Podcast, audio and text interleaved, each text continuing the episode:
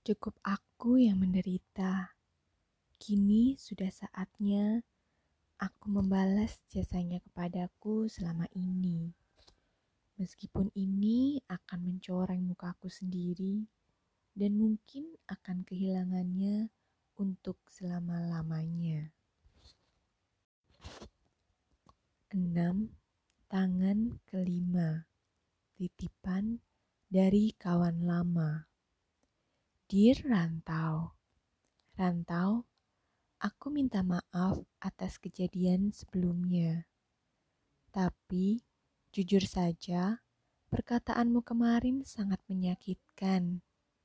Melalui surat ini, aku hanya ingin menyampaikan jika aku ingin membuktikan bahwa semua tuduhanmu itu sama sekali tidak benar.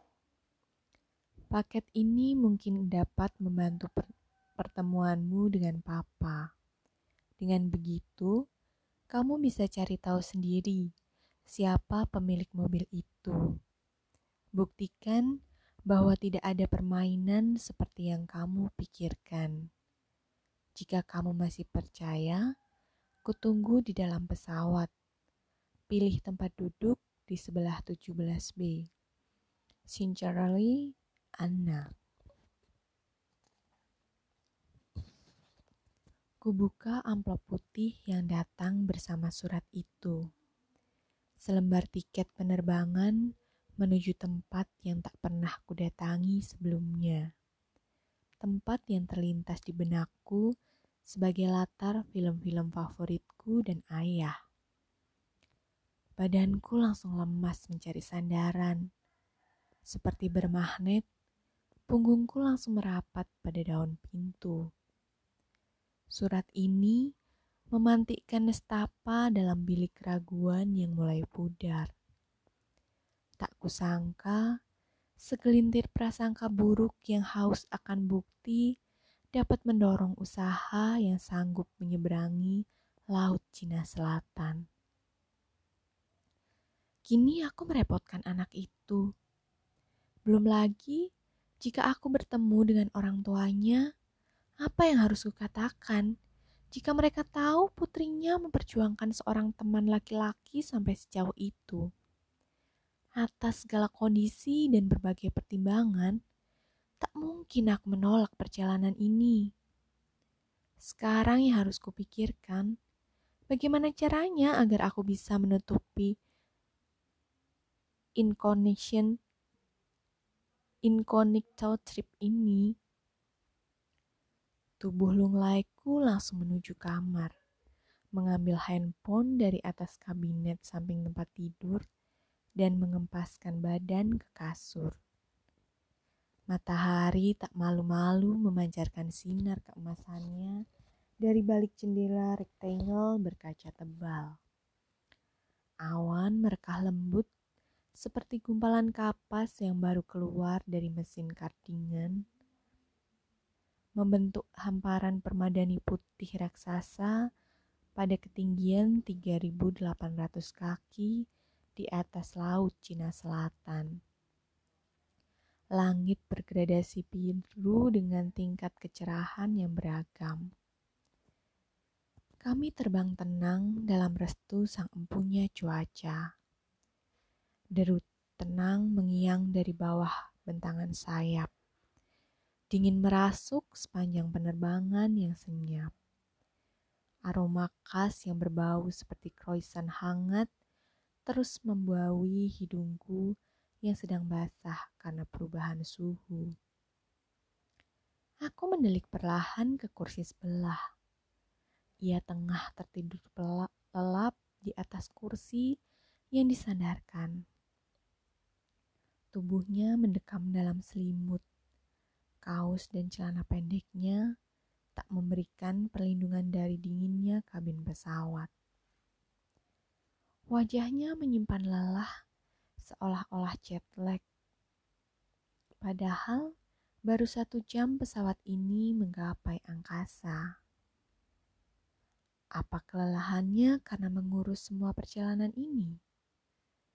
Berkali-kali pandanganku bertolak dari jendela ke arah samping. seperti terus dipanggil untuk menikmati parasnya yang terjatuh pulas. Polos wajahnya yang mirip balita terlelap semakin menggerus batin yang penuh penyesalan terdalam atas prasangka tempo hari. Pikiran kritis yang terlampau jauh justru menggelapkan mataku. Daan, besok aku tidak ada di Jakarta. Ada hal yang harus diselesaikan. Aku titip mobil itu, dan yang terpenting, jangan katakan apa pun kepada Elora. Jika ia bertanya, katakan aku naik gunung dan tidak ada sinyal di gunung. HP ini mati sampai dua hari ke depan. Kalau ada apa-apa, hubungi aku ke nomor Anna. Nanti kukirimkan nomornya. Terima kasih. Dan pencarian tangan kelima akan segera berakhir. Aku bertopang dagu di atas sandaran tangan pemisah kursi, mencondongkan wajahku mendekatinya. Kagumku terus terlontar dalam diam atas pembuktiannya yang sudah ribuan kilometer jauhnya, ribuan kaki tingginya, dan ribuan menit lamanya. Seolah-olah menyadari sedang diperhatikan, ia memiringkan tubuhnya ke arahku hingga membuat wajah kami hanya berjarak satu jengkal. Aku bisa merasakan nafas hangatnya. Ia menatap dengan mata terpejam, bahkan tatapan itu mampu membuatku kalut hingga kulontarkan bisikan kata, "Maaf." Tak apa, jawabnya spontan dengan mata yang terbuka perlahan. Rasa gugup langsung memeluk dan menarikku untuk kembali ke posisi duduk semula. Aku melempar pandangan kikuk ke arah jendela, membuang gugup dalam nafas panjang yang mengembunkan kaca. Suara lembut dan sedikit serak sehabis bangun tidur menyapa. Ran, rantau. Ya? Hmm, menurut kamu, dari sekian banyak orang yang menginginkan mobil itu, siapa yang paling pantas mendapatkannya? Tanyanya dengan suara yang lambat. Tentu pemilik terakhir. Jawabku cepat. Seandainya tidak ada, tetap saja tidak akan kujual. Memangnya mau kamu simpan? Kamu suka dengan mobil itu? Ucapnya perlahan. Bukan begitu. Aku memang menyukai mobil itu, hanya tidak untuk dijual, tapi ingin kuberikan secara cuma-cuma kepada orang yang berhak. Oh iya? Serunya kaget. Iya, mengapa tidak?